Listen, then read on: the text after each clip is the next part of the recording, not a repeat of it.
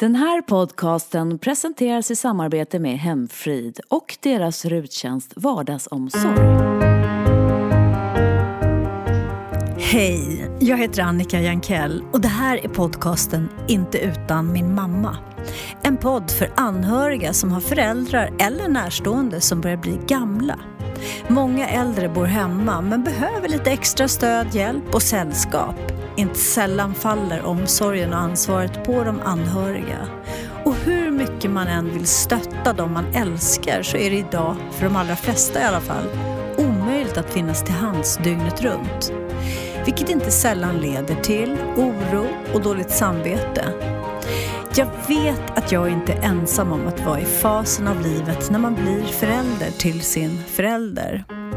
Men mina gäster här i podden lyfter även hur det är att bli äldre, om sina livserfarenheter och vikten av att få behålla livskvalitet och hälsa genom hela livet. För det gäller att ta tillvara på livets alla ögonblick. Välkomna, det här är inte utan min mamma.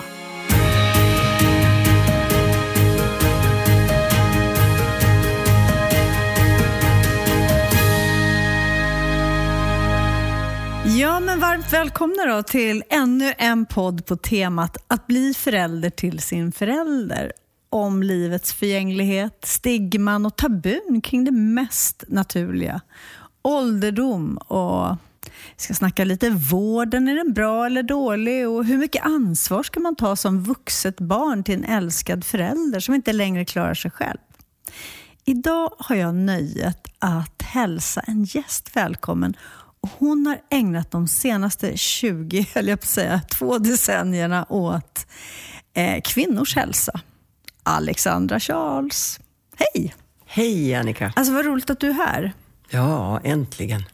Vad tänker du, Alexandra, när jag säger eh, inte utan min mamma? Va, vad får du för associationer? Ja, givetvis så tänker jag på min mamma förstås. Och vad, vad hon har betytt eh, för mig. Jag är äldst av fyra systrar. Eh, mamma var en väldigt stark, fantastisk kvinna förstås, tycker jag. Och eh, min förebild i mycket. Och sen led jag väldigt med henne också, apropå det som jag sen kom att arbeta med. Men det, det är faktiskt så att det är mycket på grund av mamma som jag ägnar mig åt just kvinnors hälsa. När mamma började bli äldre och eh, förstås som många fick lite olika problem med hälsan och så, så följde jag med henne till, till läkarbesök. Och då tyckte jag, jag blev så frustrerad, för jag tyckte så att eh, den, den äldre kvinnan fick inte den respekt och den uppmärksamhet som jag eh, tyckte att hon borde få. Du, kände mm. du lite att du blev förälder till din mamma? Ja, givetvis. När, när, eh, mamma levde till, till hon var 90 mm. och eh, hon hade oturen att, att drabbas av en stroke. Och ja, hemskt att säga och berätta hur det var, för det är verkligen förskräckligt. När hon fick sin stroke så var jag där med henne hemma hos henne. Vi hade varit på Skansen. Det var på sommaren. Vi hade varit på Skansen med, med familjen och barnen, barnbarnen hennes. Eh, vi hade en jättetrevlig dag på Skansen. Så åkte vi hem. Det var väldigt varmt också den dagen, kommer jag ihåg. Så åkte vi hem till mamma och sen så hjälpte jag henne och, och eh, ja, eh, byta eller kläder eller vad det nu var för någonting. Så vi var i badrummet och då så får hon sin stroke. Och eh, givetvis så får man ju halv panik och eh, så ringer jag på ambulans. Och det fungerade väl. De, de kom ganska så snabbt. Och så körde vi då iväg. Och givetvis så bultar mitt hjärta och man är ju orolig som bara den och tänker hur ska det gå, hur ska det gå? Och så kommer vi fram till akuten så småningom då efter att ambulansförarna, killarna har lämpat av oss och vi hamnar där i något litet eh, rum bakom ett skynke. Jaha, och så var det då ett fullproppat väntrum. Och så börjar klockan att ticka och, och jag vet ju att varje minut har betydelse när man För har fått en stroke. du förstod att det var en stroke också? Jag förstod det. Ja. Och jag går fram till sköterskorna förstås i receptionen. Då hade jag ändå lagt band på mig själv och tänkte så här, nu ska jag inte, nu ska jag inte, jag ska inte tappa liksom behärskning. Jag, ska vara, jag vet ju att de har det tufft för det är klart, det är alltid personalbrist. Mm jag ska inte, jag ska inte, jag måste liksom bara hålla mig lugn. Och till slut så stod jag inte ut längre så gick jag fram och då hade det säkert gått en kvart. Eh, och så sa jag, jo, nu är det så här att mamma har inte eh, förkylning eller brutit handen eller, eller så, utan hon har förmodligen fått en, drabbats av en stroke. Vi, vi, varje minut räknas, säger jag. Då tittar en sköterska upp och hon var själv medelålders äldre och tittar på mig och så säger hon så här. Vet du, din mamma, hon är över 85. Och, säger jag. Ja. Och! Ja, precis vad menar du med det? Menar du att hon... Och då tänkte jag, nej men det här hon är inte ska helt... prioriteras? Ja. Det här är ju helt vidrigt. Hur kan man bara säga något sånt? Så jag sa det att det där hörde inte jag, sa jag. Nu, Mm. nu, nu, nu begär jag, kräver jag att vi vill träffa en läkare nu omgående. Se Mm. till det, för det här är allvar. Det här, varje minut räknas och det vet du. Ja, sa hon då, du tar inte i så. Nej, men, Alltså så. Och du ser ju, vi har det hela, hela liksom, eh, väntrummet. Ja visst, sa jag, men det gäller ju att prioritera. liv eller död? Mm, ja, just det. Och jag insåg bara det att är man en, en äldre, riktigt gammal människa så är man nedprioriterad. Och jag bara växte mig ännu starkare i min övertygelse om att så här kan vi inte ha det. Och då så kände jag vilken tur att jag ändå har en kanal genom vilken vi kan arbeta och påverka. För så här kan vi inte ha det. Så tack vare, och det låter ju fruktansvärt att säga, din ilska och din personliga erfarenhet så drog du sen då igång eh, 1,6 miljonersklubben. Hur många gånger eh, i veckan, höll jag på att säga, får du förklara för människor att 1,6 miljoner inte handlar om pengar? Ja, det är inte så ofta längre. Nej, i början förstår Men eh, jag visste att, och förstod att namnet skulle mötas av reaktioner av den karaktären. Och så tänkte jag, det är bra. Därför att det är ju svårt att få uppmärksamhet för någonting, åtminstone var det då. Det klimatet som då rådde när man sa, vad jobbar du med? Jo, kvinnors hälsa eller kvinnor och hälsa. Jaså, ha, ska det vara något? Ungefär den attityden var det. Idag, efter metoo och så vidare, så är det ju på ett annat sätt. Annat ljud i skällan. Ja, och vi har dessutom efter 22 år, för den organisationen har funnits i 22 år nu, så har, ju, har vi ju faktiskt kunnat påverka så att många, många har blivit medvetna om att kvinnors hälsa gör skillnad. Alltså att det är viktigt att man ändrar på det som då rådde när vi startade, nämligen att genusperspektivet saknades i det som handlar om medicinsk forskning. För att om det blir felaktiga, eh, till exempel att du får fel diagnos eller ingen diagnos alls, eller fel behandling eller ingen behandling, så blir det ju allvarliga konsekvenser för individen men också för samhällsekonomin. Såklart! Så att, apropå ekonomi och namnet så visste jag att jag kommer att få den frågan. Eh, jaha, är det här bara då om man har en miljon, 6 miljoner på banken? Mm, eller i årslön. Eller Ja, något. eller årslön eller så. Nej, men däremot så handlar det om kvinnors hälsa och det här är målgruppen för att visa vilken stor och mäktig målgrupp det då var som var 45-plussare. För därifrån kommer namnet. Alltså. Precis, 1,6 miljoner Ja, kvinnor i Sverige över 45 år. Ja, då, 97. Ja, exakt. Men jag, jag tänker just på hur då eftersatt forskningen kring till exempel kvinnohjärtat och, och andra kroppsdelar också förstås var. Va, vad skulle du säga idag? Har, har det hänt mycket? Eftersom du har då i 22 år eh, varit lite pionjär och, och förkämpe för att, vänta nu här, Ja. pengar ska in till forskningen på, Ja. på Ja, kvinnohälsan. jag vill ju med en gång säga det att det var den där dagen på Läkarsällskapet som jag fick idén att bilda en organisation, en förening. Och ideell skulle den vara, för det visste jag med en gång att det här handlar om att arbeta pro bono ideellt, non for profit. Och eh, jag tänkte så här att kvinnor och hälsa, det kan inte bli viktigare. Därför att eh, vi är ju mer än hälften av befolkningen. Och vi vet också att tyvärr, det visste jag redan då, att kvinnor drabbas ofta av olika hälsofenomen och problem. Oftare än män, som det verkar. Och eh, framförallt så är vi bättre på att söka hjälp och vi är bättre på att berätta när det är någonting som drabbar oss eller drabbar någon nära eller kär. Därför att det. vi kvinnor har ju av tradition och hävd alltid tagit på oss ansvaret i familjen för just allas hälsa och väl och ve och så. Eh, sen är det klart att männen idag har en, en annan roll, spelar, eh, spelar höll jag på att säga, de är på ett annat sätt men, mm. än vad de var i mansrollen. Men fortfarande så ligger huvudansvaret på kvinnorna när det gäller familjens hälsa och väl och ve. Och man söker hjälp och man eh, försöker att hålla så att säga, nivån på, på det här med hälsotänket i familjen när det gäller mat och att gå till doktorn och allting sånt där. Det är ju faktiskt kvinnorna som, som sköter om den biten i huvudsak. Men eh, din fråga har jag nog glömt. Nej, men om du har blivit, om du kan se Ja, att det har blivit skillnad, ja. skillnad ja, ja. Och det var då jag skulle säga att jo, jag hade ju inte, om jag inte hade lyssnat på Karin Schenk Gustafsson, apropå Som är professor i kardiologi. Som, ja. som är professor. Och då var hon docent, sen blev hon professor i kardiologi. Ja.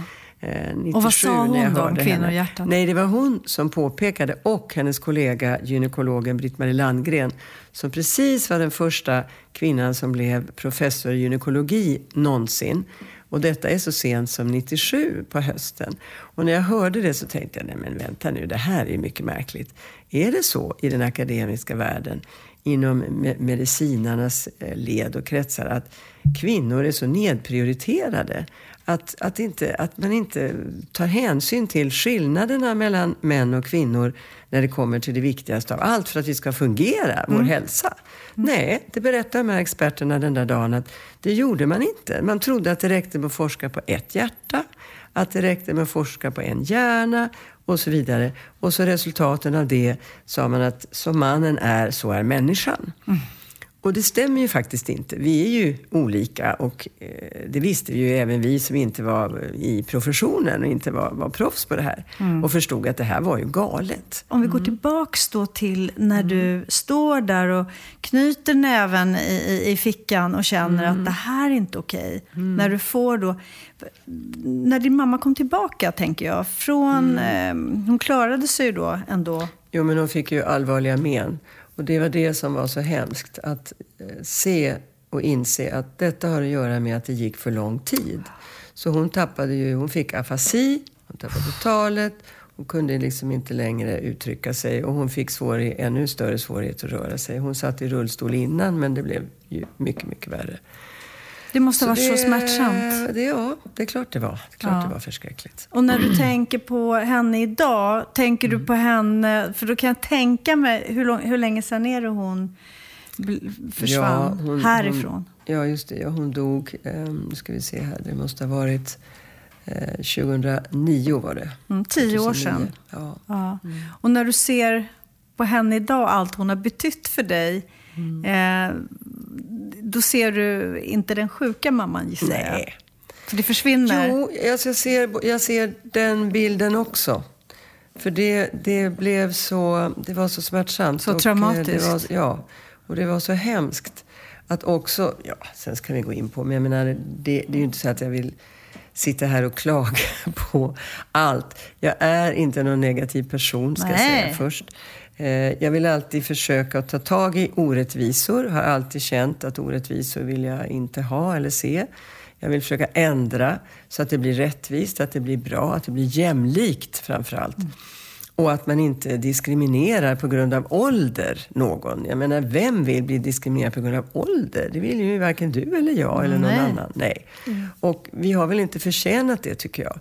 När vi ändå har bidragit på så många eh, fantastiska sätt till samhället. Eh, hela den generationen, mammas generation och nu min generation. Så all diskriminering är ju av ondo. Vad har du för relation till din ålder? Ja... Har du någon? Tänker du? Om liksom... jag har en ålder? Ja, det har jag Nej, om, nej jag menar om du har en relation till den. Ident jo, identifierar du jo, det är dig jag har svårt, nej, alltså jag, har, jag har nog svårt att inse att jag faktiskt är så gammal som jag är. Ehm, jag tänker inte på det. Mer än ibland när man är trött, riktigt, riktigt trött och eh, sjuk. Eh, då på något sätt så, så, så, tänker jag till. Så tänker jag, ja just det, det kanske inte är så konstigt ändå. Ehm, och sen vet jag ju att, eh, och hör min omgivning som påpekar och då och då lite, lite Jag tycker att du ska sådär, dra i nödbromsen. Skulle, nej, inte någon nödbroms, men kanske skulle trappa ner lite. Och mm. kanske skulle, ja. eh, ta, ta det li, lite, in, inte arbeta fullt så, eller vara fullt så engagerad eller aktiv. Och så tänker jag så här, ja, det, de har ju rätt på sätt och vis. För det är klart att man ska inte slita ut sig var man än befinner sig i ålder i livet. Och det predikar ju jag i min tur. Exakt. Till så många och har alltid gjort. Och det är klart att det är alltid svårt, och det tror jag Annika, du är medveten om också. Att leva som man lär. Det är väldigt svårt. Ja, det är det svåraste, det går Det är inte. väldigt, väldigt svårt. Att alltid hålla sig till det. Jag Men menar, är det det som håller dig ung? Att du är så eh, engagerad och aktiv, tror du? Eh, ja, det är klart. Jag menar, för det är min... Jag tror ju nu att alla är vi individer, eller tror, jag vet, alla är vi individer. Jag, jag kan inte säga att mitt recept är så här för alla människor. Att så här ska man göra om man nu ska hålla sig ja, ung till sinnes och, och må väl. Man får hitta sin egen väg och sitt, e, sin egen melodi, så att säga.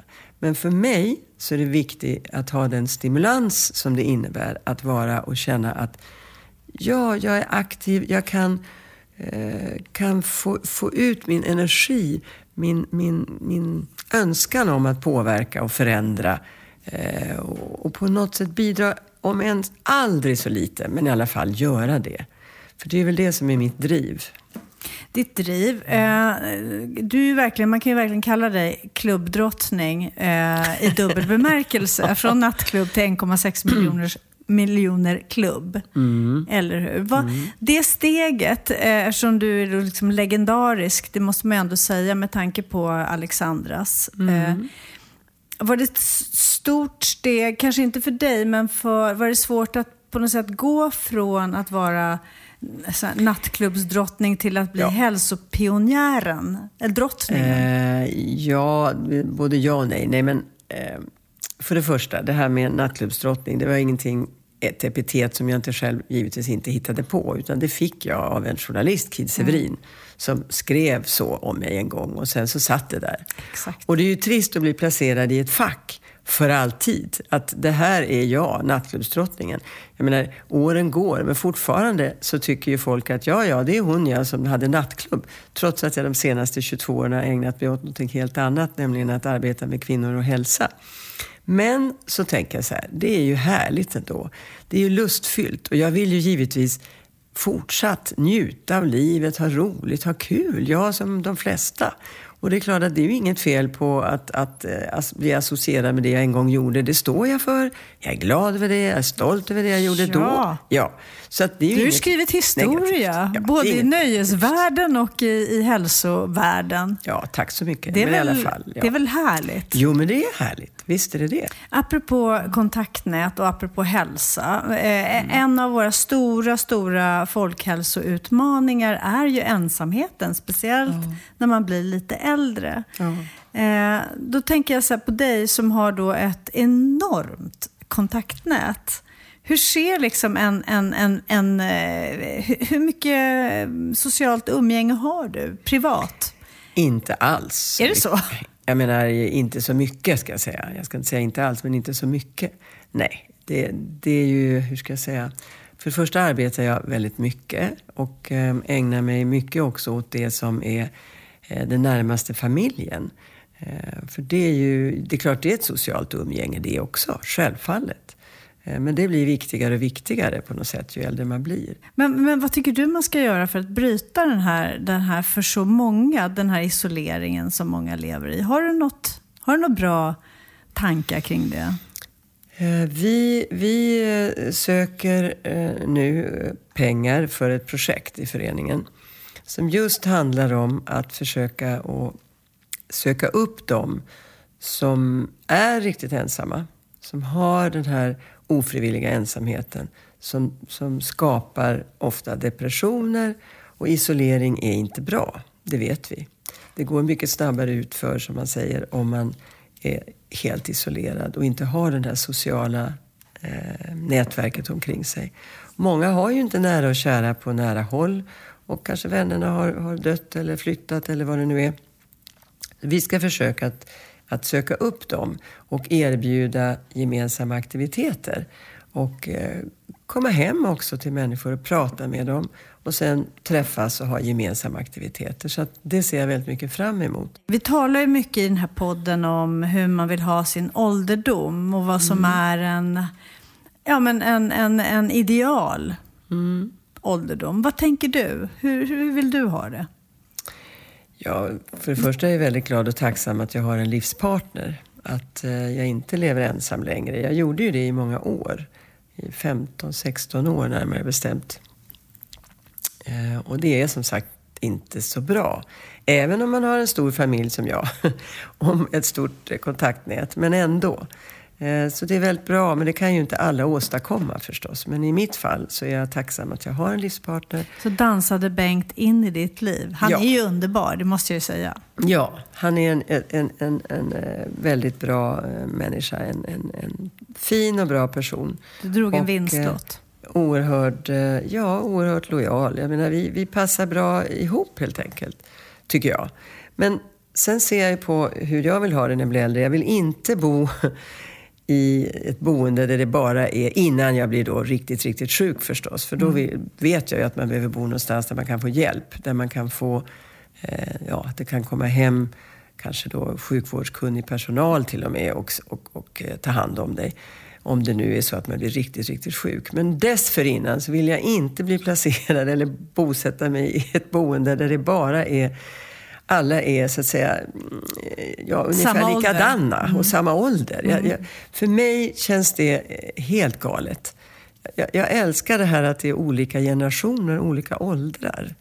Jag tycker det är levande, det känns väldigt, väldigt viktigt. Sen vill jag också kunna ha nära till naturen. Naturen är så viktig, att komma bort ifrån storstaden då och då för att hitta den här balansen jag pratar om. Har, jag måste bara ja. flika in, har det alltid mm. varit så? Eller har det kommit? Ja, det har alltid varit. Alltid varit ja, de här kontrasterna. Ja, alltid. Mm. Eh, och jag frågade när någon i en intervju på 70-talet sa, var trivs du bäst?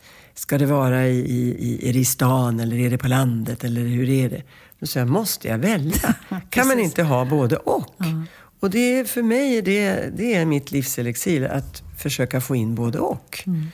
Eh, så viktigt. Och sen att, att ha de här lugna stunderna där, det bara, där man bara är hemma. Och liksom koppla bort eh, allt det här. Eh, för det är så, så snabbt Surret. tempo och det är så mycket som händer och mycket som sker. Och man vill ju vara med överallt. Jag sa ju att jag är nyfiken och så, men så har jag insett mer och mer ju äldre jag blir förstås. Att, nej, det är inte, det är inte nyttigt. Man får inte splittra sig för mycket. Utan försök att renodla det som jag känner, det här mår jag bra av. Och sen att inte leva för mycket för andra. Eh, man har rätt att lyssna inåt och känna efter just det jag sa, att det här mår jag bra av. Är du bra på det?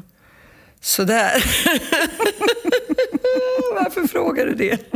Apropå leva som man lär. Ja, nej, nu tog du mig ja, mm, på bar gärning där. Nej, alltså jag försöker bli bättre och bättre på det. Ja. Mm, det är bra. Mm. Men, men ja, det är en bra ambition nog, eller hur? Man måste ha mål och ja. delmål. Mm. Absolut viktigt. Mm. Är, du rädd, Ops, är du rädd för att bli äldre? Nej, jag är inte rädd för att bli äldre. Jag är väl snarare jag känner inte rädsla, nej det gör jag inte. Jag, jag kan inte säga att jag är jätteförtjust och tycker att wow, nu, nu ser jag fram emot att bli om några år 75 och sådär. Jättehäftigt. Men å andra sidan tänker jag, men varför inte? Titta på de förebilder som finns, som är aktiva och som ja, håller sig i form och som fortsätter att på sitt sätt ändå ta del av eller göra någonting av sitt liv på något sätt ja, men de är förebilder. Så att det är nog rätt häftigt ändå att bli äldre. Och så får du tänka på, det står i tidningarna att den första 200-åringen är född. Oj! så, det, så, så än finns det tid. Ja. ja. Vår bästa tid är nu. Ja, mm. exakt. Det är så man måste man tänka. Man ska leva i nuet också. Ja, och vad Lill-Babs sa, man ska leva till man dör. Ja, det ska vi också göra. Ja. Absolut. Alexandra Charles, mm. härligt att du var med i podden. Tack. Och så tycker jag vill säga, bara lägga till att vi behöver mer, apropå Barbro, också det hon sa, att vi behöver mer kramar. Vi behöver mer, vara mer frikostiga med det här att, att, att berätta när vi tycker att någon är bra eller vi tycker om någon. Det, det är någonting som jag känner tydligt, mer och mer tydligt. Gud vad bra att du avrundar med det, för där håller jag med dig till 100 procent. Vi måste bli lite mer fysiska och generösa. Ja, det ska vi bli. Jag tänker ge dig en kram nu och Tack. så säga tycker om dig. Tack, jag tycker om dig. Och så kramar vi varandra. Yes. Med Hemfris nya RUT-tjänst Vardagsomsorg erbjuder vi extra hjälp i hemmet för en äldre person i din närhet. Vi hjälper och stöttar med vardagsbestyren, allt för att skapa en enklare vardag med ökad livskvalitet. Gå in på hemfrid.se så får du veta mer. Podcasten Inte utan min mamma produceras av Vakai Media.